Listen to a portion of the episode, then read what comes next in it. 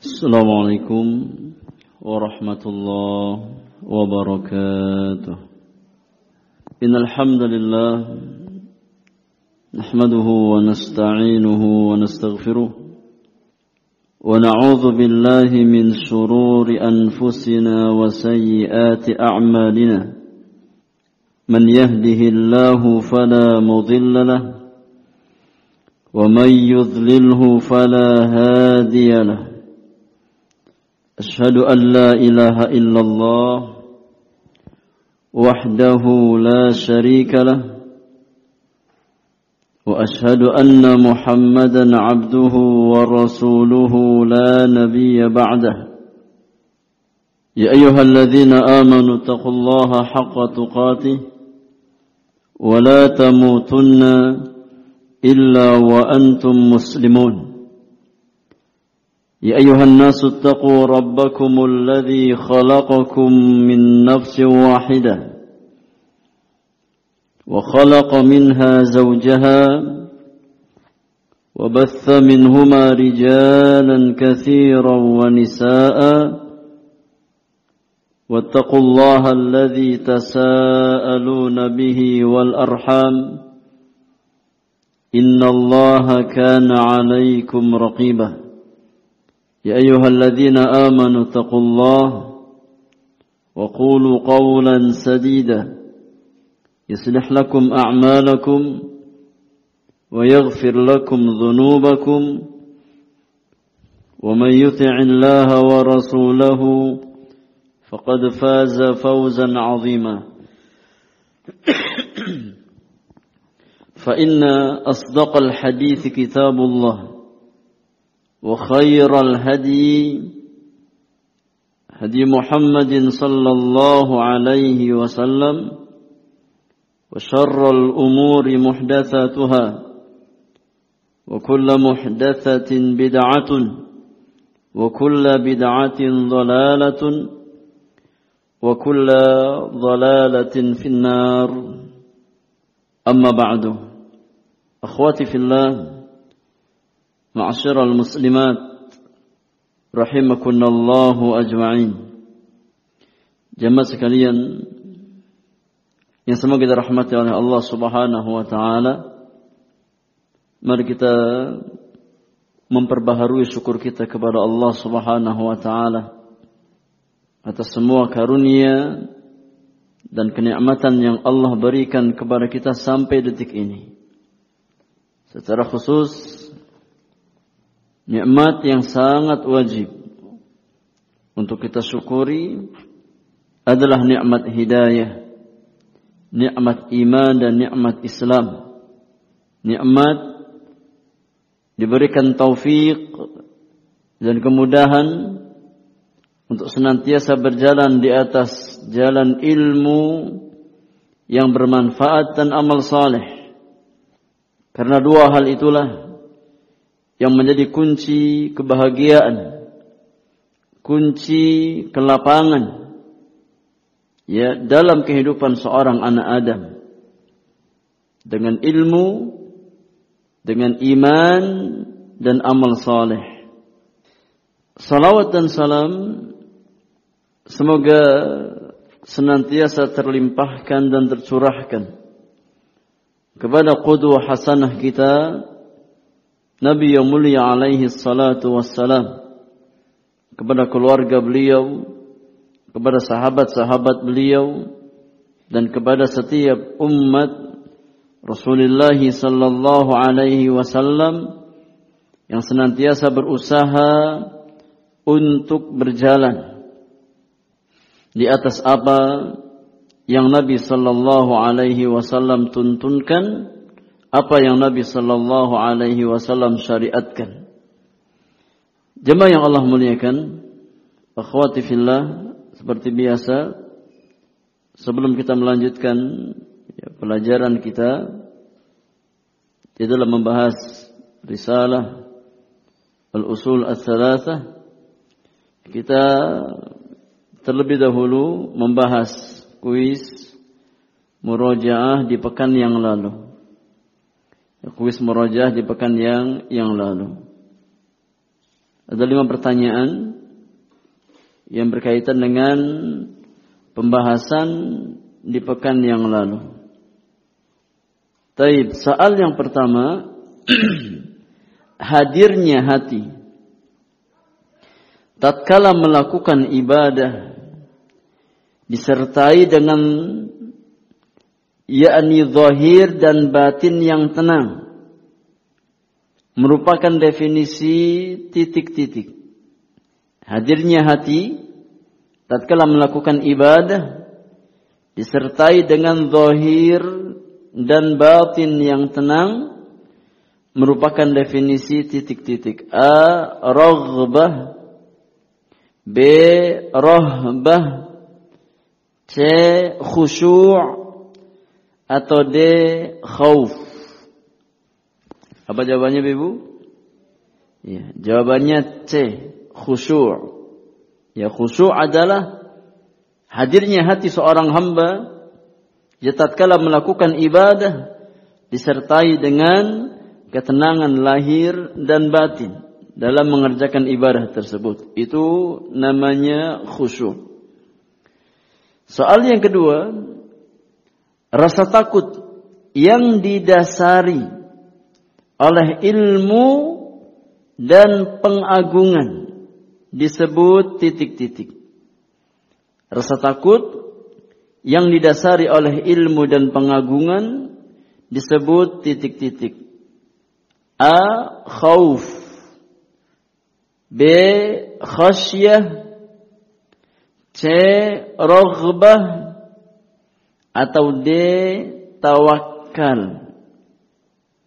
Apa jawabannya? Apa jawabannya? Ya, jawabannya B. Khasyah. Khasyah itu bukan hanya sebatas rasa, rasa takut. Tapi rasa takut yang memang didasari di atas ilmu. Dan ta'zim pengagungan terhadap pihak yang kita takuti. Itu namanya khasyah. Kalau sebatas rasa takut, maka namanya khauf. Ya, tapi rasa takut yang dibangun di atas asas ilmu, ya, karena kita mengilmui keagungan ya pihak yang kita takuti, itu namanya khasyah. Jadi khasyah itu ilmu atau rasa takut yang dibangun di atas ilmu. Kemudian soal yang ketiga, Berikut adalah contoh amalan-amalan hati. Kecuali berikut adalah contoh amalan-amalan hati kecuali a raghbah b rahbah c khasyah d sedekah atau sedekah. Apa jawabannya? Nah, jawabannya D, sedekah. Adapun raghbah, rahbah dan khasyah maka semuanya ibadah qalbiyah, ibadah hati. Adapun sedekah yakni ibadatun maliyatun, ibadah harta. Baik, poin yang keempat atau soal yang keempat. Di dalam surat Fatir ayat yang ke-28. Allah menggandengkan dua karakter yang terpuji. Dalam surat Fatir, ayat yang ke-28, Allah menggandengkan dua karakter yang terpuji. Yaitu titik-titik. A. Tawakal dan ikhtiar. B. Khasyah dan ilmu C.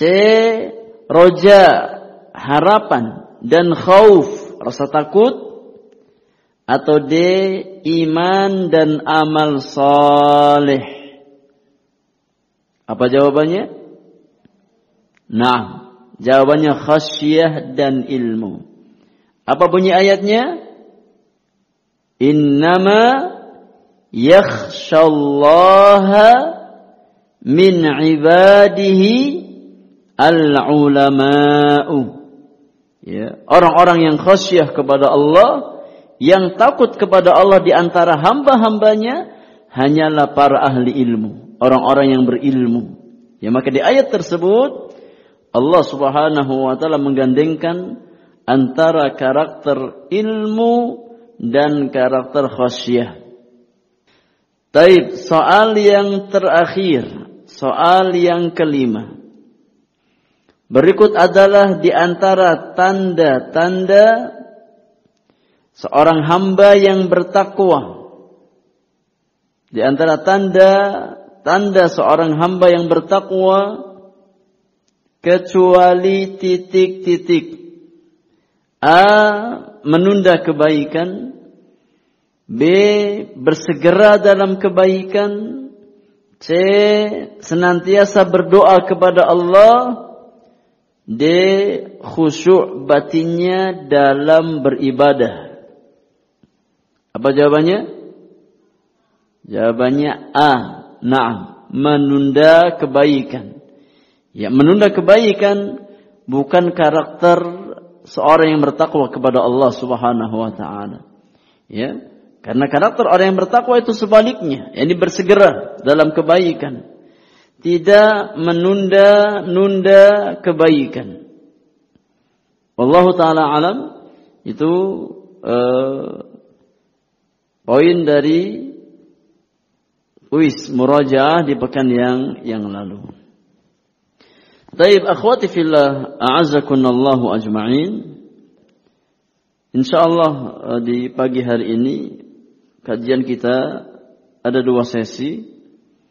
Sesi yang pertama ya kita meneruskan materi pembahasan rutin kita dari kitab Al-Usul Ats-Tsalatsah.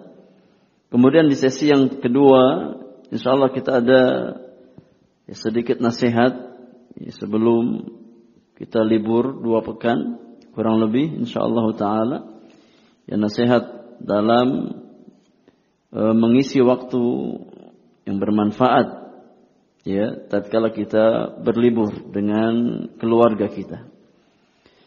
Baik, kita lanjutkan terlebih dahulu pembahasan dari kitab Al-Usul Ats-Tsalatsah. Kita sampai pada perkataan penulis rahimahullahu taala wa dalilul inabati qauluhu ta'ala dan dalil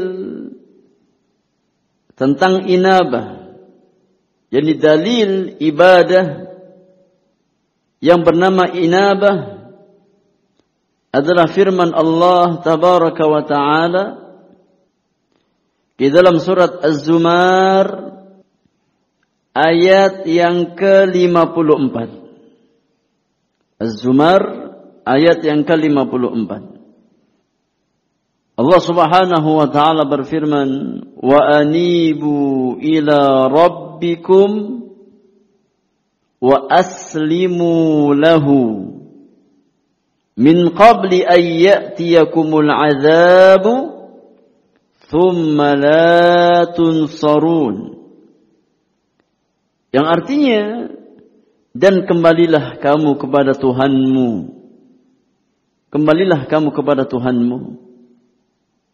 Dan berserah dirilah kepadanya. Sebelum datang azab kepadamu, kemudian kamu tidak dapat ditolong oleh siapa pun. Di ayat yang mulia ini, Allah subhanahu wa ta'ala memerintahkan hamba-hambanya yang berlumur dosa, yang bergelimang maksiat kepada Allah Subhanahu wa taala, yang senantiasa melakukan pembangkangan terhadap perintah dan larangan Allah Subhanahu wa taala, Allah ajak mereka untuk kembali kepada jalan Allah Subhanahu wa taala. Ya, wa anibu ila rabbikum dan kembalilah kamu kepada Tuhanmu. Ini kembali kepada jalan ketaatan kembali kepada jalan ketakwaan, kembali kepada jalan iman dan amal saleh. Wa aslimu lahu dan berserah dirilah kepadanya, tunduk di atas perintah dan larangan Allah Subhanahu wa taala. Apa makna inabah? Inabah kata para ulama itu mirip dengan taubat. Inabah itu maknanya mirip dengan kata taubat. Ya, seseorang yang munib yakni dia kembali kepada Allah Subhanahu wa taala dari kelalaiannya, dari dosa dan maksiatnya, kembali kepada Allah, bertaubat kepada Allah Subhanahu wa taala. Namun inabah ini ya sifatnya lebih tinggi daripada taubat. Sifatnya lebih tinggi daripada daripada taubat. Ya, kenapa? Karena taubat itu dibangun di atas tiga unsur. Ya, taubat yang benar itu dibangun di atas tiga unsur. Apa saja? Yang pertama adalah al-iqla'u. Unsur taubat yang pertama itu seorang hamba meninggalkan al-iqla' meninggalkan keburukan atau dosa dan maksiat yang dia lakukan. Al-iqla'u. Iqla' ya. Alif lam hamzah kemudian qaf kemudian lam ada alifnya kemudian ain. Al-iqla'u. Ya, al-iqla' Dari kata aqla ayuqli'u. Artinya meninggalkan taraka. Ya, maka seorang yang bertaubat kepada Allah Subhanahu wa taala dari sebuah dosa wajib meninggalkan dosa tersebut. Ya, wajib untuk meninggalkan dosa tersebut yang dia bertaubat darinya. Kemudian unsur yang kedua di antara unsur taubat itu an-nadamu. An-nadam. Alif lam nun dal mim. An-nadamu. Yakni rasa penyesalan. Rasa penyesalan. Ada rasa menyesal ya dari dosa yang telah dilakukan. Kalau seandainya seseorang bertaubat, ya namun hatinya nggak menyesal, maka bukan taubat yang nasuha. Karena motor penggerak terbesar yang mendorong seseorang untuk bertaubat kepada Allah adalah rasa menyesal ya atas dosa dan maksiat yang dia lakukan. Maka di antara syarat taubat yang nasuha ya di antara unsur taubat yang benar adalah rasa penyesalan dalam hati. Ya atas dosa dan maksiat yang telah ia lakukan. Kemudian unsur yang ketiga ya di antara di antara unsur taubat yang benar, taubat yang nasuha adalah al-azmu ala alla ya'uda. Al-azmu alif lam ain zai mim al-azmu. Ada azam. Ada yakni niatan yang kuat. Ada keinginan yang kuat. Ya. Ada mental yang kuat untuk tidak kembali kepada dosa yang telah dia tinggalkan. Jadi setelah seseorang bertaubat kepada Allah Subhanahu wa taala, dia meninggalkan maksiat ya atau dosa yang dia bertaubat darinya yang dibangun di atas penyesalan ya. Kemudian dia pun wajib untuk berazam wajib untuk memiliki keinginan yang kuat niat yang kuat untuk tidak kembali terjatuh ke dalam dosa dan maksiat yang dia tinggalkan tersebut. Maka tatkala seseorang bertaubat kepada Allah Subhanahu wa taala, ya, kemudian masih ada keinginan dalam hatinya untuk mengulang, ya, dosa dan maksiat yang telah dia taubati tersebut, maka taubatnya berarti taubat apa namanya? Taubat sambel. Ya, giliran kepada sen bilangnya taubat. Ya, tapi giliran apa ngelihat sambel lagi dimakan lagi. Jadi nggak punya iradah, nggak punya keinginan, nggak punya azam, nggak punya tekad yang kuat untuk meninggalkan maksiat yang dia tinggalkan. Ya ini tiga unsur taubat yang nasuhah. Tiga unsur taubat yang benar. Ada ikhla' meninggalkan dosa tersebut. Kemudian ada an-nadam, ada rasa penyesalan dalam hatinya. Kemudian ada al-azam, ada azam, ada tekad yang kuat untuk tidak kembali mengulangi maksiat dan dosa yang telah dia taubati tersebut. Kata para ulama, kenapa inabah itu lebih tinggi daripada taubat? Karena inabah itu mencakup tiga hal yang ada dalam unsur taubat wa tazidu ma'nan akhar wa huwa al-iqbalu 'ala Allah taala bil ibadat. Ya, inabah itu mencakup tiga hal yang ada dalam taubat. Ya, ditambah dengan satu poin lagi yaitu al-iqbalu. Al-iqbal 'ala Allah. Yakni selain tiga hal yang kita sebutkan di atas, ya, ada satu hal yang menjadi ciri khas orang yang munib yang kembali kepada Allah. Ya. Orang yang melaksanakan inabah, apa itu? Al-iqbalu 'ala Allah. Yakni bersemangat untuk melakukan kebaikan.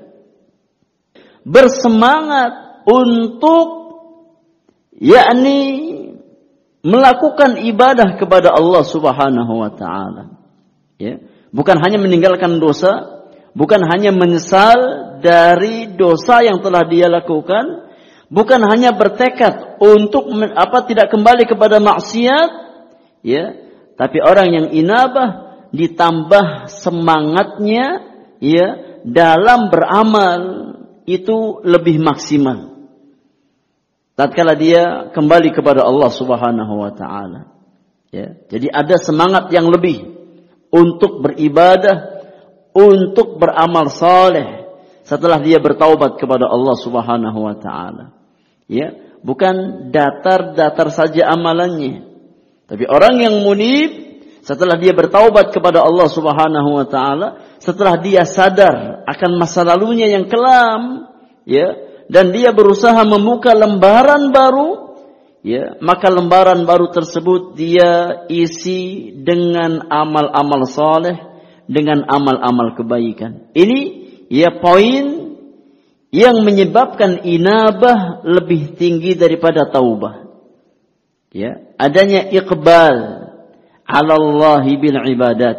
Ya, yakni ada kecenderungan seorang hamba untuk senantiasa bertakarrub kepada Allah Subhanahu wa taala dengan amal-amal kebaikan.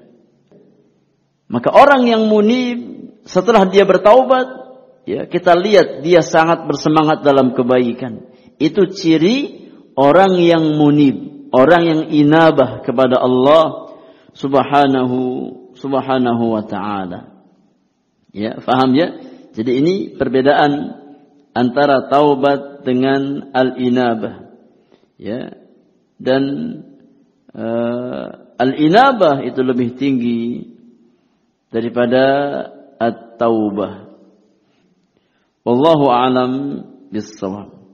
Kemudian ya poin berikutnya kata penulis rahimahullahu taala wa dalilul isti'anati. Dan dalil isti'anah ibadah yang bernama isti'anah. Qauluhu ta'ala firman Allah Subhanahu wa taala iyyaka na'budu wa iyyaka nasta'in. Iyyaka na'budu wa iyyaka nasta'in. Yakni firman Allah tabaraka wa taala di dalam surat Al-Fatihah ayat yang kelima.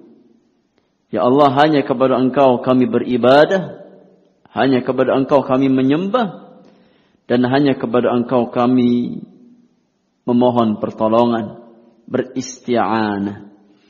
Maka makna isti'anah ya.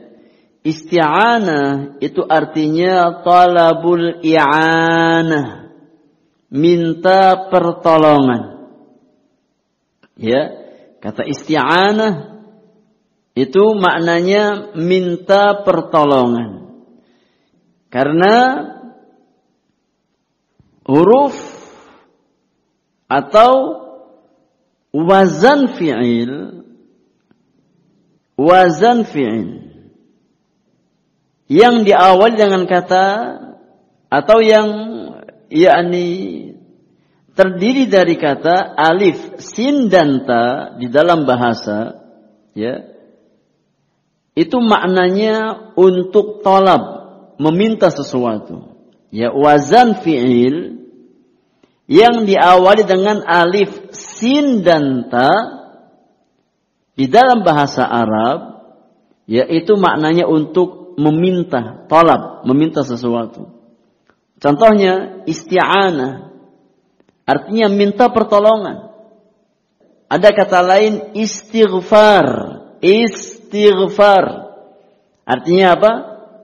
Meminta ampunan. Ya. Ada kata lain istisqa, istisqa. Minta apa? Minta air, minta diturunkan air hujan. Ya. Maka wazan yang diawali dengan alif, sin dan ta di dalam bahasa Arab itu memberikan makna tolab atau permintaan. Ya maka al-isti'anah ya maknanya talabul ma'unah atau minta pertolongan. Minta pertolongan dan isti'anah itu bagian dari ibadah yang sangat agung kepada Allah Subhanahu wa taala.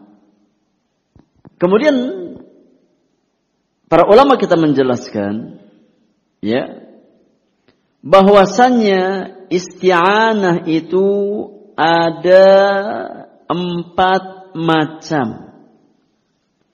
Isti'anah itu ada empat macam.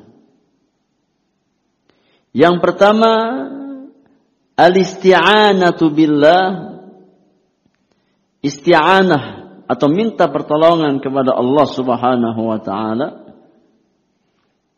Yang kedua al-isti'anatu bil makhluq ala amrin qadirin alaihi.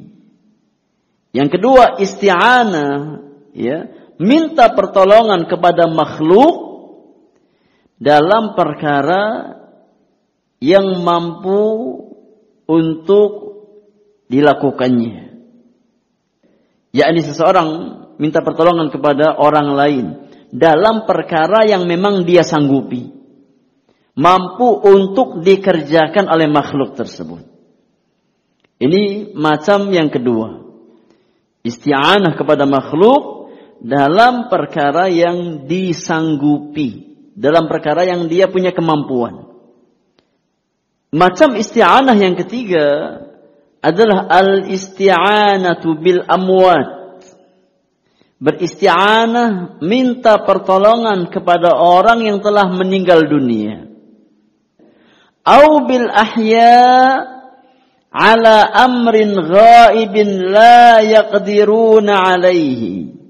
Atau minta pertolongan kepada orang yang masih hidup ya dalam urusan perkara gaib dalam perkara gaib yang mereka tidak memiliki kemampuan ya yang tidak memiliki kemampuan ya. Ini jenis isti'anah yang yang ketiga Isti'anah yang keempat adalah al-isti'anah bi'a'malin. yakni beristi'anah dengan amal-amal saleh. Minta pertolongan dengan wasilah amal-amal kebaikan. Bi'a'malin salihatin mahbubatin syar'an minta pertolongan ya dengan wasilah amal-amal saleh yang disyariatkan yang disyariatkan. Taib ini empat macam isti'anah. Sekarang kita ya perinci hukum empat macam isti'anah ini. Yang pertama apa tadi? Al-isti'anatu billah minta pertolongan kepada Allah Subhanahu wa taala. Ya, maka al-isti'anatu billah wa hiya al-isti'anatul mutadamminatu kamal adh-dhulli min al-'abd li ma'a thiqati wal i'timadi 'alaihi. Isti'anah kepada Allah adalah isti'anah ya yang mengandung unsur kesempurnaan yakni azul kesempurnaan kerendahan diri seorang hamba terhadap Robnya disertai dengan afiqah keyakinan wal i'timadi alaihi dan penyandaran urusan kepada Allah Subhanahu wa taala. Saya ulang, ya makna atau pengertian isti'anah kepada Allah. Yang isti'anah kepada Allah itu kata para ulama mengandung ya kehinaan yang sempurna dari seorang hamba terhadap Robnya mengandung ya yakni kehinaan yang sempurna dari seorang hamba terhadap Rabbnya. Ya tatkala kita isti'anah kepada Allah, kita akui segala kekurangan kita. Kita akui segala kelemahan kita. Ya. Kita akui segala ketidakberdayaan kita. Maka kita isti'anah kepada Allah. Kita minta pertolongan kepada Allah. Kenapa? Karena kita mengakui kelemahan kita. Ya, kita mengakui ketidakberdayaan kita dalam mendapatkan kebaikan atau selamat dari keburukan kecuali dengan taufik dan pertolongan Allah Subhanahu wa taala. Kemudian isti'anah tersebut ya disertai dengan fiqh, kepercayaan, ya, keyakinan kepada Allah Subhanahu wa taala dan menyandarkan ya apa yang kita harapkan hanya kepada Allah Subhanahu Subhanahu wa taala ya.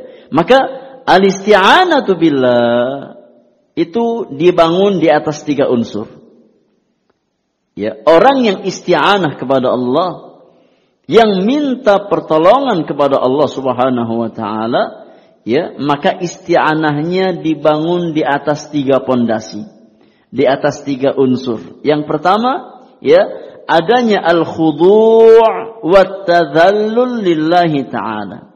Ada yakni rasa kehinaan. Ya, kita merasa hina, kita merasa diri kita lemah di hadapan Allah Subhanahu wa taala.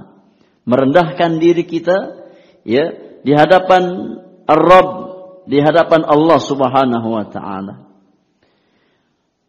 Unsur yang kedua di antara unsur isti'anah adanya ats billah, ada keyakinan kepada Allah Subhanahu wa taala. Ya, bahwasannya Allah lah satu-satunya zat yang bisa memberikan kita manfaat Dan satu-satunya zat yang bisa menyelamatkan kita dari dari mudarat. Dari segala macam keburukan. An-nafi'ud dharru huwa Allah Subhanahu wa taala. Seorang mukmin, seorang mukminah meyakini bahwasanya yang mampu mendatangkan manfaat dan mudarat itu hanya Allah Subhanahu wa taala. Ya. Maka tatkala kita isti'anah kepada Allah, kita isti'anah dengan penuh keyakinan. Ya.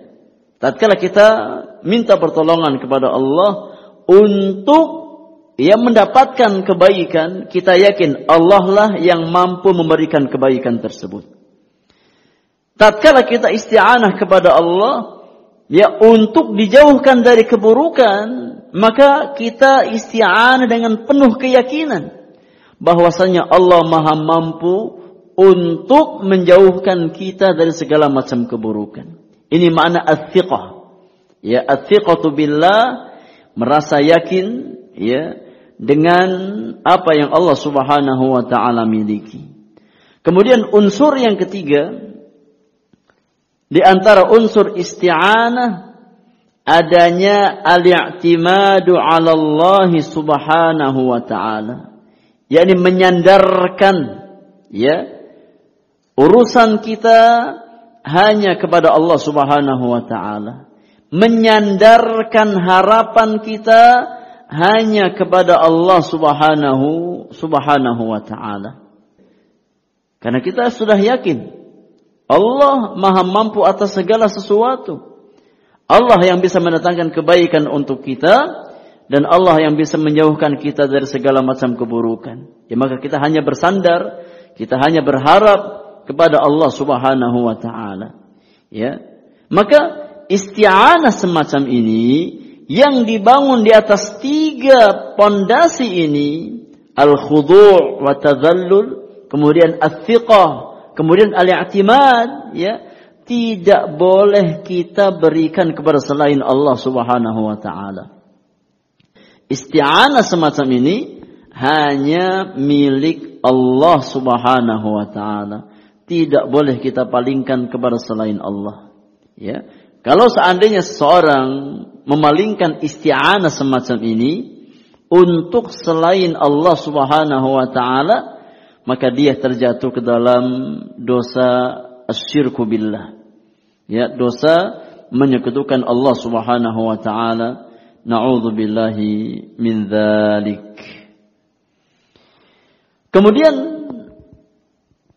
macam yang kedua di antara macam isti'anah apa tadi? Isti'anah kepada siapa? Kepada makhluk ya yang punya kemampuan untuk ini membantu kita dalam urusan tersebut. Dalam perkara-perkara yang disanggupi. Ya, kita minta pertolongan kepada seseorang ya. Dalam perkara yang memang dia sanggup mengerjakannya sanggup membantu kita dalam masalah itu. Ya. Maka hukum isti'anah yang kedua itu secara asal sifatnya mubah. Kalau yang pertama isti'anah yang pertama al isti'anatu billah ya itu hukumnya ibadah. Hukumnya ibadah. Ya. Adapun isti'anah yang kedua maka hukumnya mubah secara asal boleh. Ya, secara asal boleh. Selama memang pihak yang kita minta tolong itu mampu, punya kemampuan. Dalam perkara-perkara yang memang dia sanggup mengerjakannya dan dalam perkara-perkara yang memang sifatnya dibolehkan secara syariat. Dibolehkan apa secara secara syariat? Ya. Apa contohnya? Contoh, yang kita minta tolong kepada ya, tetangga kita atau kepada saudara kita untuk membantu kita ya dalam urusan kita. Ya, kita punya kesulitan memahami pelajaran. Ya, ya ukhti tolong ya ajarkan saya Ya, saya kurang paham dalam masalah ini. Tolong ya berikan saya penjelasan ya, yang lebih terperinci agar saya bisa paham pelajaran ini. Nah, ini juga mimbab isti'anah, mimbab minta pertolongan. Ya kita minta tolong kepada makhluk. Ya, maka tatkala memang kita dapatkan saudara kita tersebut mampu untuk menjelaskan maka nggak ada masalah. Ya. Tidak ada masalah. Hukum ya dalam perkara ini hukum asalnya mubah diperbolehkan ya karena mimbab uh, firman Allah Subhanahu wa taala wa ta'awanu 'alal birri wat taqwa wa la ta'awanu 'alal itsmi wal 'udwan ya tolong menolonglah kamu dalam kebaikan dan ketakwaan dan jangan tolong menolong di atas dosa dan permusuhan ya jadi kalau isti'anahnya dalam perkara kebaikan, maka insya Allah berpahala. Akan tapi kalau isti'anah dalam perkara dosa dan maksiat, maka sifatnya haram dan tidak diperbolehkan secara syariat. Ini hukum isti'anah yang kedua. Isti'anah minta pertolongan kepada makhluk dalam perkara yang dia mampu mengerjakannya. Ya. Maka hukum asalnya mubah. Kemudian macam yang ketiga di antara macam isti'anah adalah al-isti'anatu bil amwat. Minta pertolongan terhadap orang yang sudah meninggal dunia. Ya, minta pertolongan kepada mayit. Kepada orang yang sudah meninggal dunia. Au bil ahya'i ala amrin ghaibin la yaqdiruna 'alaiha atau minta pertolongan kepada yakni orang yang masih hidup namun dalam perkara-perkara gaib yang dia tidak punya kemampuan untuk hal itu ya maka hukum isti'anah yang ketiga ini hukumnya adalah asyirku billah sifatnya syirik ya tidak boleh kita isti'anah minta pertolongan ya kepada yakni orang yang telah meninggal dunia. Tidak boleh. Ya. Ya fulan, ya tolong berikan saya kemudahan ya untuk mendapatkan rizki, dilapangkan rizkinya, dilapangkan usahanya. Ya, kita minta kepada orang yang telah meninggal dunia. Maka ini termasuk kesyirikan kepada Allah Subhanahu wa taala. Atau orangnya masih hidup. Orangnya masih hidup. Ya tapi kita minta pertolongan dalam perkara-perkara gaib yang dia nggak punya kesanggupan untuk hal itu. Ya. Seperti apa datang kepada dukun, ya, untuk yakni mencari tahu ya di mana apa yakni barang yang hilang, ya. Tolong carikan. Ya, dicari sama dukun. Nah, minta pertolongan kepada dukun dalam perkara-perkara gaib. Ya, maka ini termasuk perkara syirik kepada Allah Subhanahu wa taala. Kemudian macam yang keempat di antara macam isti'anah adalah isti'anah dengan amal-amal kebaikan. Dengan amal-amal saleh yang disyariatkan. Ya, seperti dengan sholat, dengan sabar, ya dengan sedekah dan yang lainnya, ya. Maka jenis isti'anah semacam ini diperbolehkan dan disyariatkan. Ya, diperbolehkan dan disyariatkan. Di antara dalilnya adalah firman Allah tabaraka wa taala ya di dalam surat Al-Baqarah ayat yang ke-153. Ya, 153. Allah Subhanahu wa taala berfirman memerintahkan orang-orang beriman untuk isti'anah dengan amal-amal kebaikan, dengan amal-amal saleh. Ya.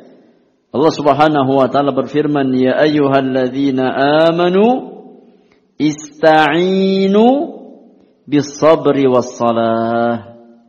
Innallaha ma'as sabirin. Wahai orang-orang beriman, ya mintalah pertolongan kepada Allah Subhanahu wa taala dengan wasilah sabar dan salat.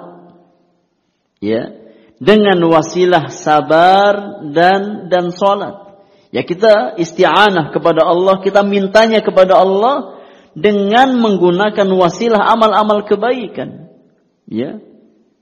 Dengan kesabaran kita, dengan salat kita, ya.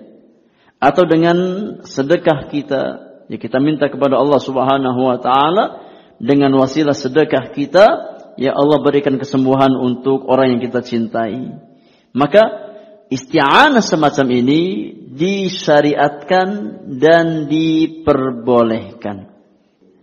Disyariatkan dan diperbolehkan. Seseorang isti'anah kepada Allah dengan wasilah amal-amal saleh yang disyariatkan.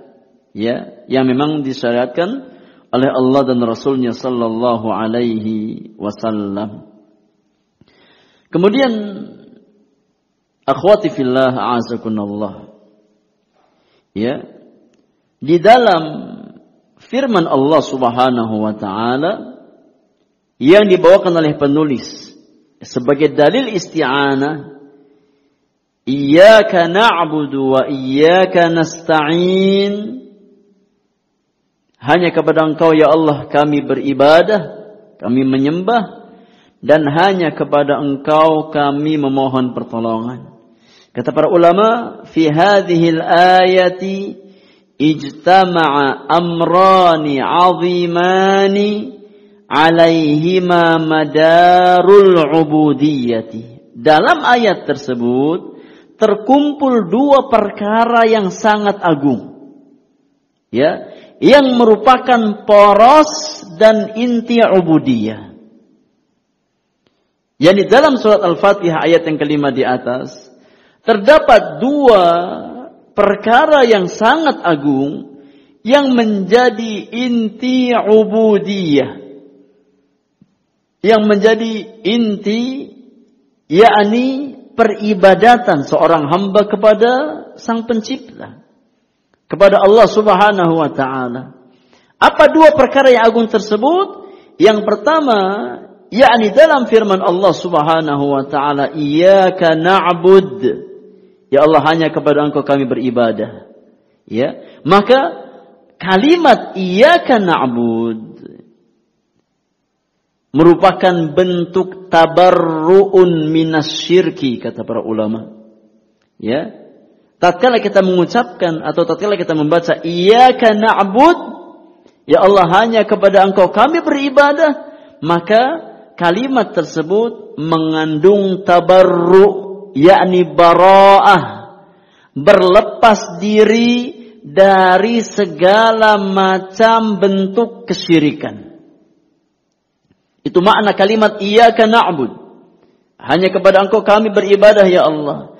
Yakni maknanya ya seorang mukmin berlepas diri dari segala macam sembahan-sembahan yang disembah selain Allah Subhanahu wa taala. Karena kita mengikrarkan iyyaka na'bud. Hanya kepada Engkau semata ya Allah kami beribadah. Ya. Maka dalam kalimat iyyaka na'bud terkandung ya tabarruun minasyirki. Seorang hamba berlepas diri dari segala macam kesyirikan. Segala macam sembahan-sembahan yang disembah dengan batil selain Allah Subhanahu wa taala.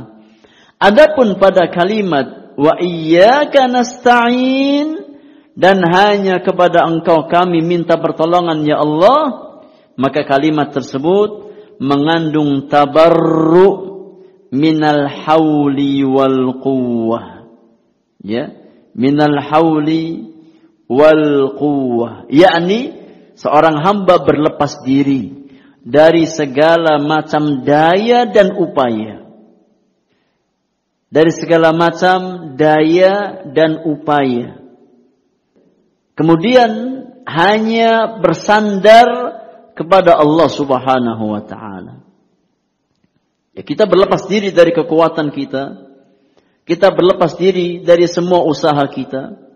Ya, dan kita hanya bersandar kepada Allah Subhanahu wa taala. Maknanya apa? Maknanya bukan berarti kita nggak ada ikhtiar, bukan. Maknanya bukan berarti kita nggak ada usaha, tidak sama sekali. Ya. Bukan maknanya kita hanya berpangku tangan kemudian bersandar kepada Allah Subhanahu wa taala. Bukan itu maksudnya. Maksudnya yakni seorang hamba meyakini dengan seyakin-yakinnya bahwasannya semua upaya, semua usaha yang dia lakukan tidak akan membuahkan hasil ya kalau seandainya tidak diberikan pertolongan dan taufik oleh Allah Subhanahu wa taala. Itu makna tabarru berlepas diri dari daya dan upaya kita. Ya, yakni kita meyakini semaksimal apa pun usaha kita, semaksimal apa pun kerja keras kita, ikhtiar kita, kalau seandainya tidak diberikan pertolongan oleh Allah, tidak diberikan taufik oleh Allah Subhanahu wa taala, maka tidak mungkin membuahkan hasil. Tidak mungkin mendatangkan kebaikan bagi kita. Ya. Maka kita berlepas diri dari segala kekuatan. Ya, kita hanya bersandar kepada Allah Subhanahu wa taala karena segala urusan ada di tangan Sang Pencipta. Ya, semua hasil di tangan Allah Subhanahu Subhanahu wa taala. Ya, maka kita berlepas diri dari segala kekuatan kita. Ya, setelah kita berusaha maksimal, ya, kita berikhtiar dengan maksimal, ya, maka kita hanya bersandar dan bertawakal kepada Allah Subhanahu Subhanahu wa taala. Itu maknanya. Jadi jangan difahami tatkala kita bersandar kepada Allah ya secara totalitas bukan maknanya kita tidak ada ikhtiar, tidak ada usaha. Ya, usaha wajib. Ikhtiar wajib. Ya. Tapi sekali lagi ikhtiar kita, usaha kita tanpa pertolongan Allah, tanpa taufik dari Allah Subhanahu wa taala tidak mungkin akan bisa mendatangkan kebaikan bagi kita. Ya. Karena yang menentukan hasilnya Allah bukan usaha kita. Yang menentukan akhirnya Allah Subhanahu wa taala, ya bukan kerja keras kita. Tapi memang kita dituntut untuk bekerja keras. Kita dituntut untuk usaha yang maksimal, ya. Namun jangan sampai kita hanya bertumpu dengan ikhtiar kita. Jangan. Jangan sampai kita hanya bersandar dengan usaha kita jangan ya tapi serahkan semuanya kepada Allah Subhanahu wa taala dan minta ya hasil yang terbaik kepada Allah Subhanahu wa taala. Kemudian Syekh Abdul Rahman bin Nasir As-Sa'di rahmatullahi taala alaihi tatkala menafsirkan firman Allah Iyyaka na'budu wa iyyaka nasta'in di dalam tafsirnya Taisir Karimir Rahman fi tafsiri Kalamil Mannan beliau menjelaskan ya kata Syekh Abdul Rahman As-Sa'di wa dzakara al-isti'anata ba'da al-ibadah ma'a dukhuliha fiha lihtiyajil abdi fi jami'i ibadatihi ila الاستعانة billahi ta'ala. Kata Syekh Abdul Rahman As-Sa'di, ya, penyebutan kata isti'anah setelah penyebutan ibadah, iyyaka na'budu wa iyyaka nasta'in. Ya Allah sebutkan dua perkara. Yang pertama ibadah, yang kedua isti'anah ya. Maka disebutkan kata isti'anah setelah kata ibadah. Padahal isti'anah itu sendiri sudah masuk dalam makna ibadah. Ya. Karena isti'anah itu bagian dari ibadah. Isti'anah kepada Allah bagian dari ibadah kepada Allah Subhanahu wa taala. Akan tetapi kenapa Allah menyebutkan isti'anah setelah ibadah? Ya Maka hikmahnya kata Syekh As-Sa'di, ya, lihtiyajil 'abdi fi jami'i ibadatihi ila isti'anati billahi ta'ala. Karena kebutuhan seorang hamba dalam semua ibadah yang dia lakukan terhadap pertolongan Allah Subhanahu wa taala.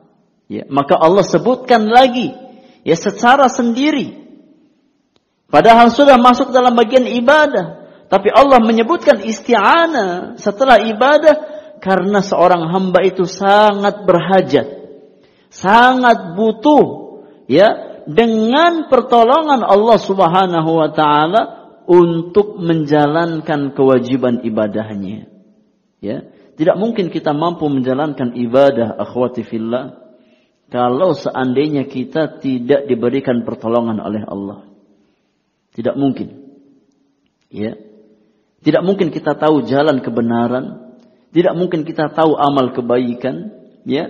Dan tidak mungkin kita istiqamah di atas kebaikan tersebut kecuali dengan pertolongan Allah Subhanahu wa taala. Maka ayat tersebut seolah-olah menjadi pengingat bagi kita.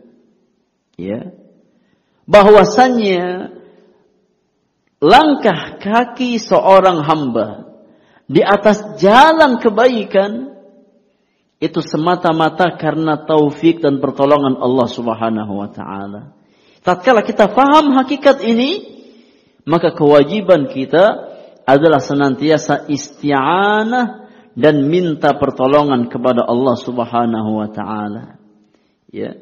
Fa innahu illam yu'inhu Allah lam yahsul lahu ma yuriduhu min fi'lil awamir wajtinabin nawahi. Kata Syekh As-Sa'di, karena kalau seandainya seorang hamba tidak ditolong oleh Allah Subhanahu wa taala, maka tidak mungkin dia mendapatkan apa yang dia inginkan. Ya, berupa fi'lul awamir, menjalankan perintah Allah atau ijtinabun nawahi, menjauhi larangan Allah Subhanahu wa taala. Ya, karena Allah yang menghalangi hati seorang hamba dari apa yang dia inginkan. Ya, terkadang kita punya keinginan untuk melakukan ya amal kebaikan. Kita ingin istiqamah di atas kebaikan, kita ingin bersedekah, ya kita ingin ya ini amal-amal kebaikan. Namun terkadang apa yang kita inginkan tidak terwujud. Ya. Kenapa? Karena tidak diberikan pertolongan oleh Allah Subhanahu wa taala. Demikian pula dalam menjauhi segala macam kemaksiatan, ya, dalam menjauhi segala macam keburukan, kita pun butuh pertolongan dari Allah Subhanahu wa taala. Tidak mungkin kita bisa menjauhkan diri kita dari keburukan, ya, kecuali dengan taufik dan pertolongan Allah Subhanahu wa taala. Maka itu hikmahnya kata Syekh As-Sa'di. Tatkala Allah Subhanahu wa taala menggandengkan kata isti'anah dengan ibadah. Allah menyebutkan secara tersendiri kata isti'anah setelah kata ibadah. Padahal isti'anah itu sendiri merupakan di antara bentuk ibadah. Hikmahnya ya agar kita senantiasa meminta pertolongan kepada Allah Subhanahu wa taala dalam setiap aktivitas ibadah yang kita yang kita lakukan. Kemudian kata penulis, wafil hadis dan dalil tentang isti'anah dari hadis Rasulullah sallallahu alaihi wasallam adalah sabda Nabi yang mulia alaihi salatu wassalam idza sta'anta fasta'in billah idza sta'anta fasta'in billah jika engkau minta pertolongan, maka mintalah pertolongan hanya kepada Allah Subhanahu wa taala. Hadis ini, akhwati filazukumullah, hadis ya atau bagian dari hadis yang cukup panjang.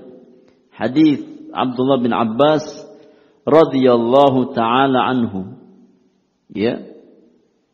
Di mana Rasulullah sallallahu alaihi wasallam pernah berkata kepada anak pamannya Abdullah bin Abbas radhiyallahu taala anhuma ya kata Nabi sallallahu alaihi wasallam ya gulam inni uallimuka kalimatin wahai anak kecil wahai Ibnu Abbas aku ajarkan kepada engkau beberapa kalimat ya yang pertama ihfazillaha yahfazka Jagalah Allah, niscaya Allah akan menjaga dirimu. Ihfazillaha tajiduhu tujahaka. Jagalah Allah Subhanahu wa taala, niscaya engkau dapatkan Allah di hadapanmu. Idza sa'alta fas'alillah. Tatkala engkau minta suatu minta hajat, maka mintalah hanya kepada Allah Subhanahu wa taala. Wa idza sta'anta fasta'in billah. Dan kala tatkala engkau minta pertolongan, maka mintalah pertolongan hanya kepada Allah Subhanahu wa taala semata. Ya, Nabi yang mulia alaihi salatu wasalam menanamkan nilai-nilai akidah ya keyakinan yang mantap, menanamkan nilai-nilai tauhid ya kepada anak-anak kecil. Di antaranya kepada Ibnu Abbas radhiyallahu taala anhuma. Ya, bagaimana hendaknya seorang muslim itu senantiasa memperhatikan batasan-batasan Allah. Menjaga batasan-batasan Allah. Maka Nabi berpesan, "Ihfazillaha yahfazka." Wahai Ibn Abbas, jagalah Allah. Apa makna menjaga Allah? Makna menjaga Allah, kata para ulama, yakni menjaga batasan-batasan Allah. Menjaga hududullah, batasan-batasan Allah. Menjaga perintah dan larangan Allah subhanahu wa ta'ala. Jaga perintah Allah, kerjakan. Jaga larangan Allah, tinggalkan semua larangan Allah Subhanahu wa taala. Kalau seandainya seorang hamba menjaga batasan-batasan Allah, menjaga perintah dan larangan Allah Subhanahu wa taala, maka Allah Subhanahu wa taala akan menjaga kebaikan si hamba tersebut. Ya, menjaga urusan atau kebaikan dunianya dan menjaga kebaikan akhiratnya. Kemudian di antara faedah hadis Ibn Abbas ini, ya, bahwasannya Rasulullah sallallahu alaihi wasallam mengajarkan kepada kita semua ya untuk menggantungkan hajat kita dan menggantungkan harapan kita semata-mata hanya kepada Allah Subhanahu wa taala. Karena Barang siapa yang menggantungkan hajatnya, yang menggantungkan harapannya kepada Allah, maka tidak mungkin akan dikecewakan oleh Allah Subhanahu wa taala. Tidak mungkin. Ya. Beda tatkala kita menggantungkan harapan kita kepada makhluk. Ya. Tatkala kita menggantungkan hajat kita kepada makhluk, yang ada apa? Yang ada kecewa. Ya yang ada sakit hati. Ya. Karena makhluk adalah yakni makhluk yang lemah, yang punya segala macam keterbatasan. Tatkala kita menggantungkan harapan kita kepada manusia, maka manusia makhluk yang lemah. Ya, maka nggak aneh kalau orang yang ya menggantungkan harapannya kepada manusia pasti banyak kecewanya, pasti banyak sedihnya. Ya pasti banyak yakni tidak mendapatkan apa yang dia inginkan. Beda tatkala kita menggantungkan harapan kita hanya kepada Allah, maka Allah Subhanahu wa taala Dzul Quwwatil Matin yang memiliki kekuatan, ya. Allah Subhanahu wa taala fa'alun lima yurid. Allah Subhanahu wa taala Maha melakukan apa yang Allah inginkan. Dan Allah Subhanahu wa taala ala kulli syai'in qadir. Allah Maha mampu atas segala sesuatu. Tidak ada yang sulit bagi Allah Subhanahu wa taala. Tidak ada yang berat bagi Allah Subhanahu wa taala. Innama amruhu idza arada syai'an an yaqula lahu kun fayakun. Ya, sesungguhnya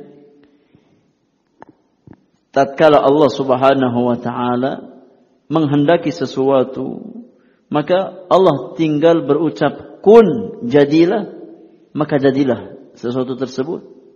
Ya. Maka tidak ada sesuatu yang berat bagi Allah Subhanahu Subhanahu wa taala.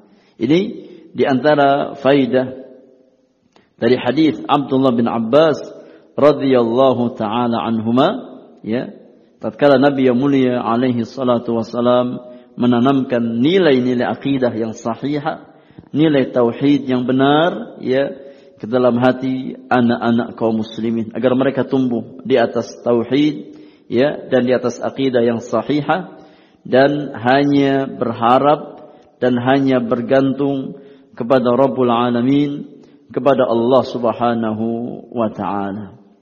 Wallahu taala a'lam bis-shawab. Taib. Sesi yang kedua ya sebagai nasihat untuk kita semuanya di dalam menyambut yakni hari-hari berlibur dengan keluarga kita ya maka ada beberapa nasihat yang ingin saya sampaikan mudah-mudahan bermanfaat ya untuk saya pribadi dan keluarga secara khusus dan untuk antunna sekalian secara umum. Ya. Yang pertama, nah, gimana? Nanti ditulis dulu, ya setelah selesai kita buka tanya jawab insyaallah taala seperti biasa. Ya, dicatat terlebih dahulu, silakan pertanyaannya agar nggak lupa ya setelah uh, sesi materi selesai insya Allah nanti kita beri kesempatan bersoal jawab secara umum terkait materi yang kita bahas di pagi hari ini ataupun ya terkait nasihat ya yang uh, kita sampaikan di pagi hari ini. Taib. Nasihat yang pertama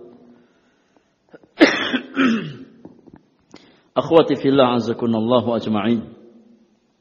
Ya, perlu kita fahami bahwasannya di antara nikmat terbesar yang Allah Subhanahu wa taala anugerahkan kepada kita adalah nikmat waktu.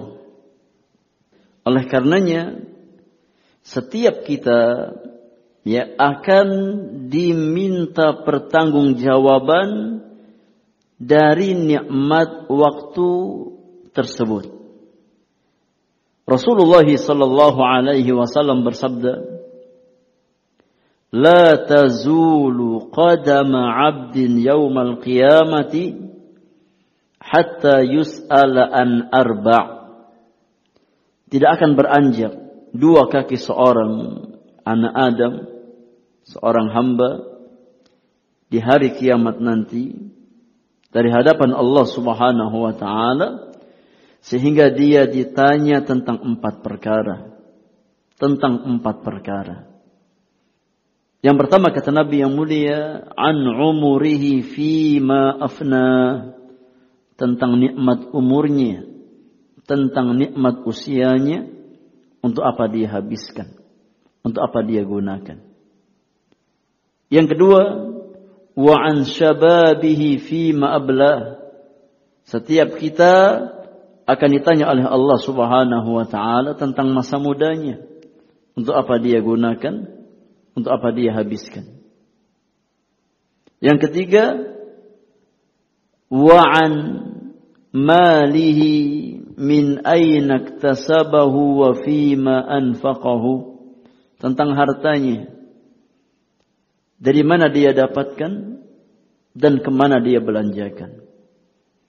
Dari mana dia peroleh harta tersebut dan ke mana dia belanjakan harta yang dia miliki. Yang keempat, di antara perkara yang setiap kita akan ditanyakan di hari kiamat nanti di hadapan pencipta kita wa an ilmihi madza amila bihi atau madza amila fihi setiap kita akan ditanya oleh Allah Subhanahu wa taala tentang ilmu yang kita miliki apa yang sudah kita amalkan dari ilmu tersebut maka di antara poin yang bisa kita ambil faedah dari hadis yang mulia ini ya bahwasannya nikmat usia, nikmat umur itu akan ditanya oleh Allah Subhanahu wa taala. Maka kewajiban seorang mukmin dan mukminah adalah berusaha untuk bakhil terhadap waktunya. Maksudnya apa? Maksudnya bakhil ya kita pelit terhadap waktu kita dari perkara-perkara yang sia-sia. Terlebih perkara yang sifatnya dosa dan maksiat kepada Allah Subhanahu wa taala. Kita harus bakhil dengan waktu kita. Ya. Jangan sampai ada satu hari berlalu, satu menit berlalu, bahkan satu detik berlalu ya kecuali kita yakin bahwasannya satu detik yang kita lalui tersebut bernilai pahala, bernilai ibadah di hadapan Allah Subhanahu wa taala. Maka seorang mukmin dan seorang mukminah hendaknya bersikap bakhil terhadap waktunya. Benar-benar kita berusaha menjaga Jangan sampai ada waktu yang terlewatkan dengan kesia-siaan. Apalagi sesuatu yang sifatnya dosa dan maksiat kepada Allah Subhanahu wa taala. Taib apa korelasi nikmat waktu dengan liburan? Yang ingin saya sampaikan di sini ya secara asal ya berlibur dengan keluarga menikmati waktu liburan dengan keluarga secara asal hukumnya mubah hukumnya mubah selama memang kita gunakan dengan ya yakni wasilah-wasilah yang mubah pergi ke tempat yang ya yang indah yang nyaman bersama keluarga kita kita habiskan di sana ya sebagian waktu liburan kita tidak ada masalah Ya bukan perkara yang terlarang. Ya kita pergi ke gunung, kita pergi ke pantai ataupun yang lain. Ya selama sifatnya mubah, ya tidak ada acara yang sifatnya ya bertentangan dengan syariat Allah Subhanahu wa taala maka tidak ada masalah. Namun akhwati fillah, jadilah seorang hamba yang cerdas. Jadilah seorang hamba yang yang cerdas. Ya. Maksudnya apa? di antara bentuk kecerdasan seorang hamba kata Syekh Muhammad bin Saleh Al-Utsaimin rahimahullahu taala adalah tatkala dia mampu menjadikan sesuatu yang hukum asalnya ada kebiasaan yang sifatnya mubah bisa menjadi sesuatu yang bernilai pahala. Yaitu di antara bentuk kecerdasan seorang hamba. Tatkala kita bisa ya menjadikan sesuatu yang hukum asalnya mubah bisa menjadi sesuatu yang bernilai ibadah di hadapan Allah Subhanahu wa taala. Ya. Maka dalam konteks ini ya berlibur yang hukumnya mubah ternyata bisa menjadi ibadah. Insya Allah bisa. Ya, kapan? Tatkala kita niatkan ya liburan kita yakni untuk beribadah kepada Allah Subhanahu wa taala. Ya seorang ayah, seorang ibu dia niatkan liburan untuk ya memasukkan kebahagiaan kepada anak-anaknya. Ya. Maka Nabi yang mulia mengatakan di antara bentuk amal kebaikan yang sangat besar pahalanya adalah memasukkan kebahagiaan kepada seorang muslim. Ya, siapa pun dia. Tatkala kita memberikan kebahagiaan kepada seorang muslim, apa pun bentuknya, maka masuk kategori ibadah. Ya, apalagi yang kita bahagiakan adalah memang orang yang dekat dengan kita. Ya, anak-anak kita. Maka insya Allah kalau kita niatkan liburan kita untuk memberikan kebahagiaan kepada anak-anak kita, maka masuk dalam perkara ibadah yang insya Allah bernilai pahala di hadapan Allah Subhanahu wa taala. Ya, jadi bukan hanya apa sebatas untuk menghabiskan waktu, ya. Bukan hanya sebatas apa untuk yakni uh, sifatnya perkara-perkara dunia tidak, jalan-jalan tamasya tidak. Tapi niatkan dari awal ya kita ingin ibadah. Bagaimana caranya ibadah? Bisa lewat liburan. Ya, dengan keluarga kita. Niatkan ya kita ingin memupuk kekeluargaan ya semakin menguatkan ya yakni sifat kekeluargaan di antara kita agar semakin tumbuh rasa cinta dalam keluarga kita Seorang suami semakin cinta kepada istrinya. Ya, seorang istri semakin cinta kepada suaminya. Seorang ibu dan ayah semakin cinta kepada anak-anaknya. Demikian pula sebaliknya. Maka kita ingin ada suasana semacam itu dalam dalam liburan kita. Ya. Kemudian, ya, meskipun dalam suasana liburan, ya, maka jangan sampai kita lepas kendali. Karena Memang di antara ujian terberat itu tatkala kita liburan. Seringkali kita lepas kendali, ya. Akhirnya kita melalaikan ibadah, salat ditelantarkan, ya ibadah ditelantarkan, ya. Perintah Allah kita lalaikan, larangan Allah ya kita kita lakukan. Itu sering kali ya terjadi tatkala datang waktu liburan. Maka dalam kondisi apa pun hendaknya kita berusaha bertakwa kepada Allah Subhanahu wa taala. Jangan sampai ajang liburan kita menjadi pintu keburukan bagi kita. Ya. Justru kita berusaha menjadikan sebagai pundi-pundi kebaikan bagi kita. Ya maka meskipun kita dalam kondisi liburan, dalam suasana liburan, tetap tanamkan nilai iman dan takwa dalam keluarga kita. Ya. Tatkala kita yakni harus pergi ke tempat-tempat umum yang di sana banyak apa ini mungkin banyak tersingkap aurat ya tanamkan kepada anak-anak kita untuk ghadul basar menundukkan pandangan jangan sampai melihat sesuatu yang diharamkan oleh Allah Subhanahu wa taala ya usahakan ya nasihat itu senantiasa ada di tengah-tengah keluarga saling mengingatkan tadzkir ya untuk beriman dan bertakwa kepada Allah Subhanahu wa taala. Saling mengingatkan untuk menjaga batasan-batasan Allah Subhanahu wa taala. Ya. Meskipun dalam kondisi liburan terus diingatkan untuk bertakwa kepada Allah Subhanahu wa taala. Jangan sampai kebablasan. Ya.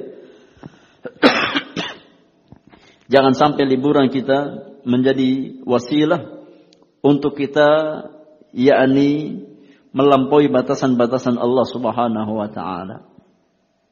Maka akhwati filazakumullah ya yakni gunakan waktu-waktu liburan kita untuk perkara yang bermanfaat, perkara yang berfaedah ya dan niatkan aktivitas dunia kita ya untuk mencari pundi-pundi pahala untuk mencari pahala di sisi Allah Subhanahu wa taala ya dengan meniatkan semua aktivitas dunia kita di atas jalan-jalan kebaikan ya. Kemudian meskipun kita dalam kondisi liburan ya maka usahakan tetap ada waktu untuk belajar ya tetap ada waktu untuk belajar. Meskipun apa nggak bisa secara langsung ya minimal kita murojaah apa yang kita pelajari. Ya jangan sampai ditinggal sama sekali. Ya karena ilmu itu akan semakin kuat semakin kokoh tatkala kita murajaah ya jadi minimal ada waktu untuk belajar atau untuk mengulang pelajaran. Jangan sampai waktunya liburan ya benar-benar lost sama sekali. Kita nggak pernah meroja sama sekali. Iya. Jadi usahakan sempatkan sekali dua kali ya untuk ini mengulang pelajaran, memurojah pelajaran ya untuk mengamalkan sabda Rasulullah sallallahu alaihi wasallam a'mali ila Allah wa in ya amalan yang paling Allah cintai adalah yang paling dawam yang paling kontinu meskipun jumlahnya sedikit. Ya usahakan kita untuk istiqomah di atas amal kebaikan. Ya usahakan untuk istiqomah di atas amal kebaikan. Ya. Kemudian sekali lagi tanamkan nilai-nilai iman dan takwa kepada anak-anak kita tatkala kita berlibur bersama mereka ya tanamkan bahwasanya Allah Subhanahu wa taala senantiasa mengawasi hamba-hambanya. Apa yang kita lakukan maka Allah Maha tahu dan akan ada konsekuensinya. Ya.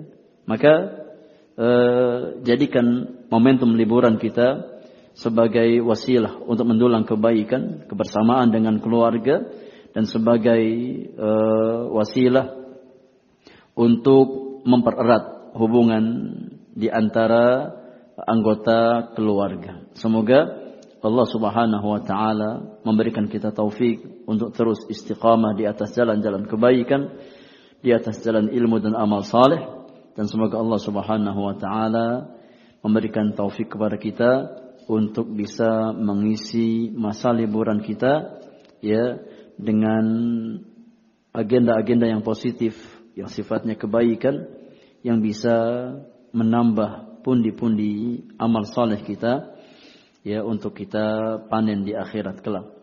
Wallahu taala alam bisawab. Ini nasihat singkat yang bisa saya sampaikan ya di kesempatan pagi hari ini. Kurang lebihnya mohon maaf. Ya, selebihnya kalau ada hal-hal yang ingin ditanyakan seputar materi yang kita bahas di pagi hari ini atau nasihat yang kita sampaikan, kita beri kesempatan bersoal jawab ya 5 sampai 10 menit. Wallahu taala a'lam bissawab. Silakan ada pertanyaan tadi yang mau bertanya? Iya? Oh sudah pulang. Khair insyaallah.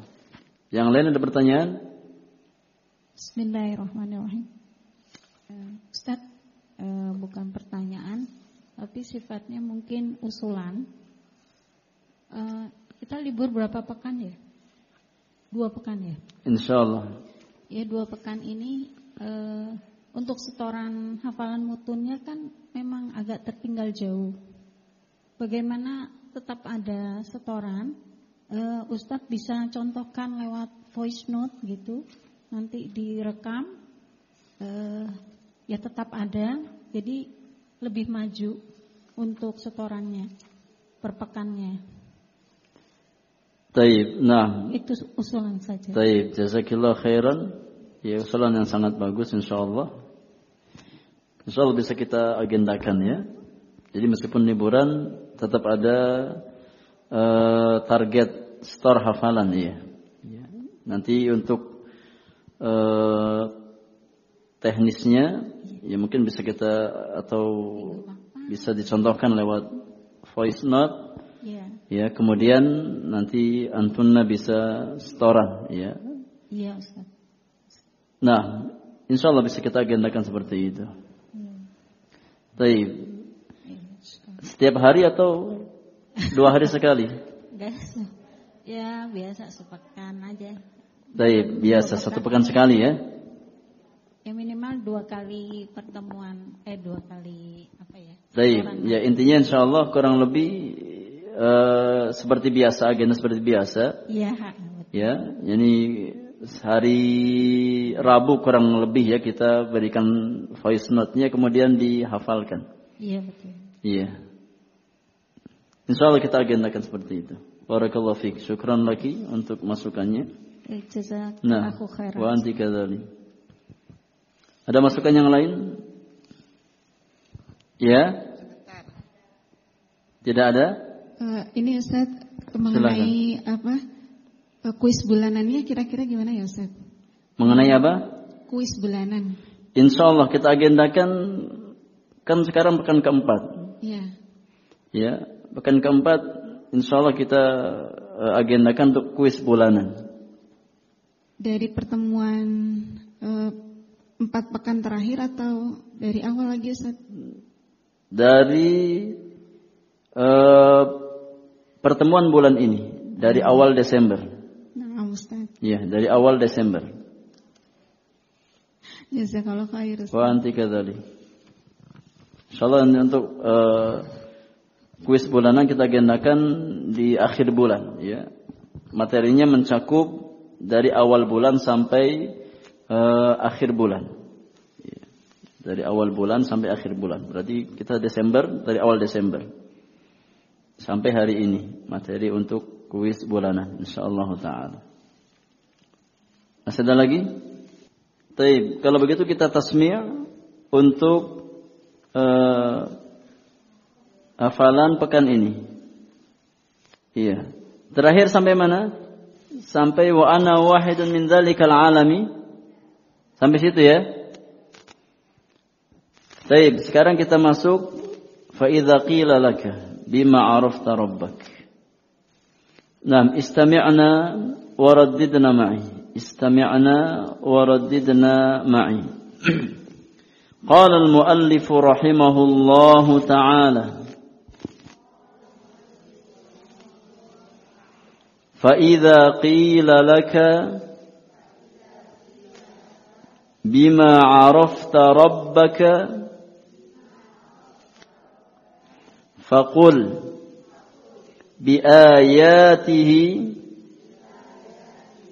ومخلوقاته ومن آياته الليل والنهار والشمس والقمر ومن مخلوقاته السماوات السبع والأرضون السبع ومن فيهن وما بينهما والدليل قوله تعالى ومن آياته الليل والنهار.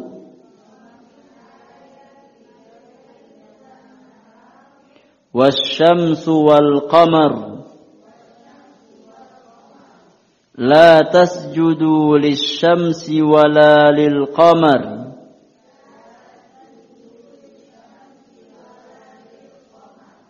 واسجدوا لله الذي خلقهن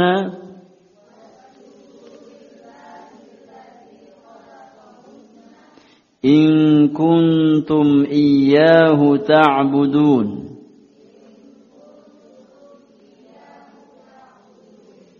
Kurang? Kurang?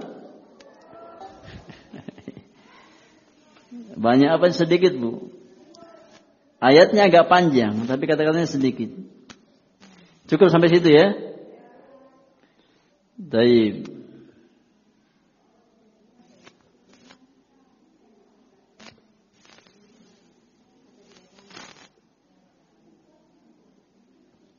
Iya dihafalkan.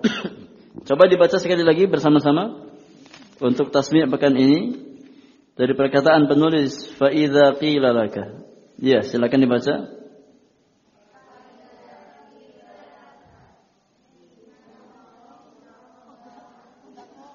Taib. Kenapa ribut? Iya, qala al-muallifu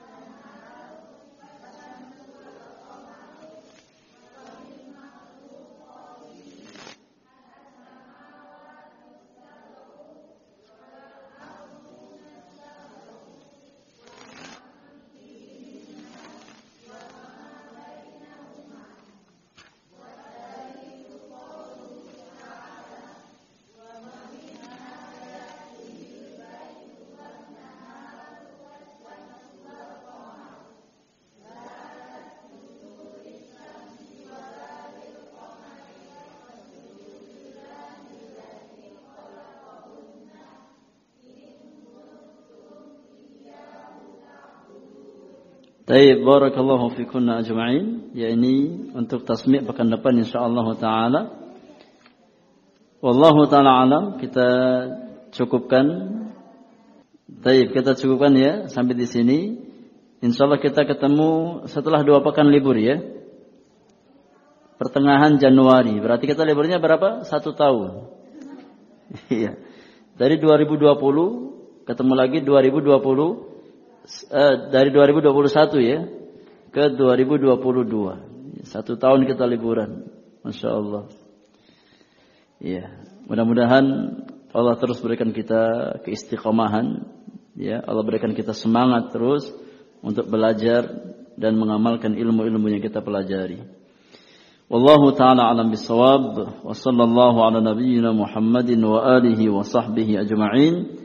وآخر دعوانا أن الحمد لله رب العالمين. سبحانك اللهم وبحمدك أشهد أن لا إله إلا أنت أستغفرك وأتوب إليك. السلام عليكم ورحمة الله وبركاته.